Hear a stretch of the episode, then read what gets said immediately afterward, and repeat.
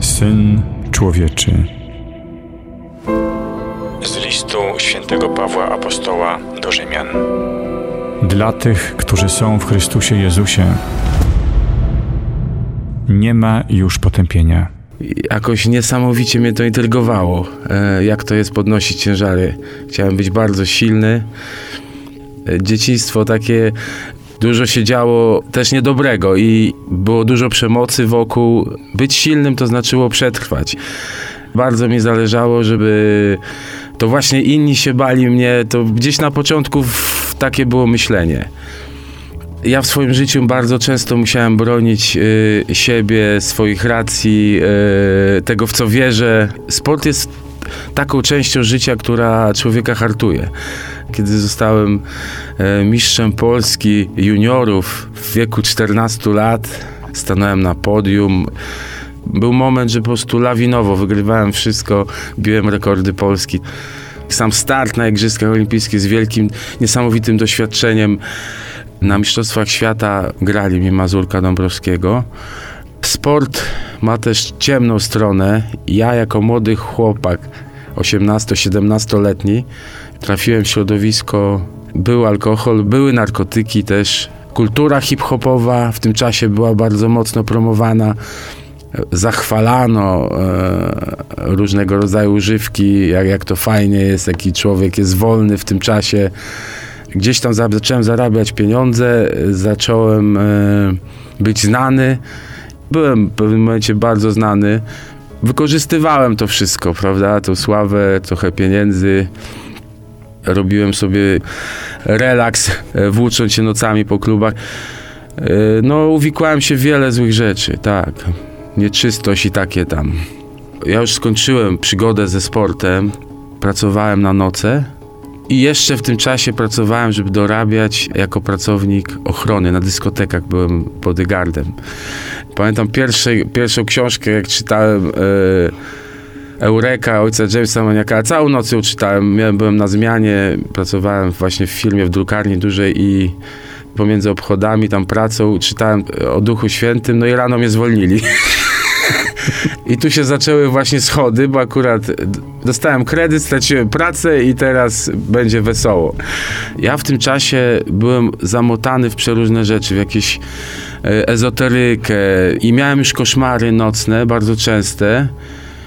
I po rekolekcjach pierwsza taka rzecz, która mnie zaskoczyła, to wróciłem już chyba po wylaniu Ducha Świętego z dyskoteki po nocy, czyli tam z pracy. Kładąc się do łóżka, zasypiając, poczułem takie jakby obecność czegoś złego, prawda? Tak jakby zły chciał znowu wejść we mnie, czy tam obok mnie stanąć i wywołać te koszmary.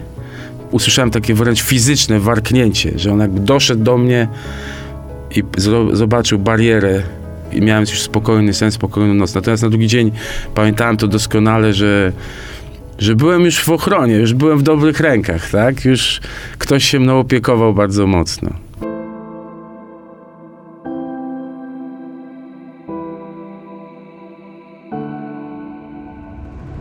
Problemy z alkoholem, e, gdzie mi się wydawało, że ja nie jestem żadnym alkoholikiem, że ja nad tym panuję, natomiast dużo rzeczy, ucie- którym nie, kompletnie sobie nie radziłem, Naprawdę to było z dnia na dzień, czyli ja wcześniej nie byłem w stanie nawet pomyśleć o tym, że ja mogę się nie wchodzić już więcej na strony pornograficzne, na przykład, czy nie używać narkotyków w ogóle. To dla mnie było niepojęte, prawda?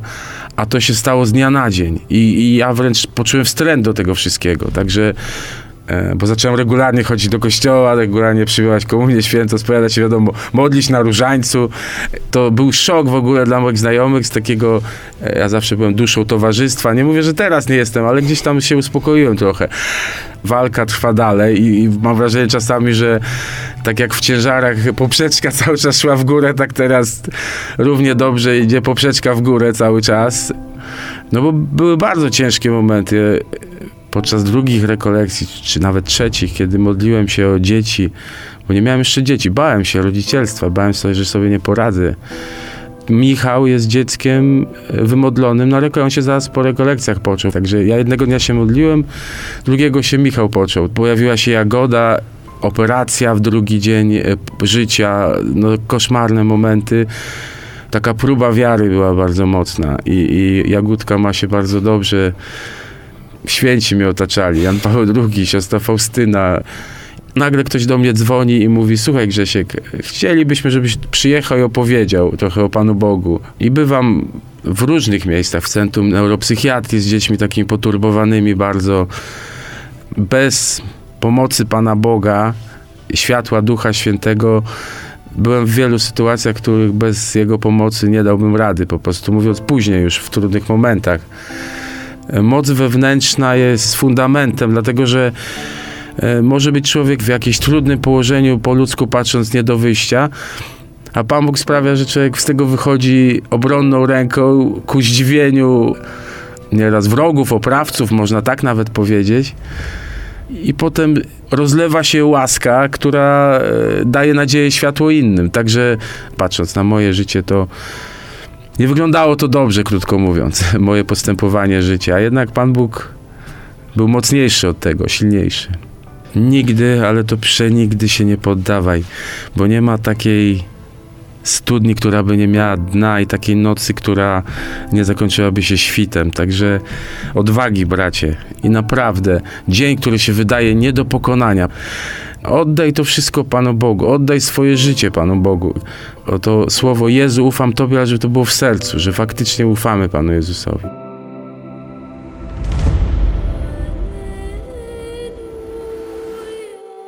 Z listu świętego Pawła Apostoła do Rzymian.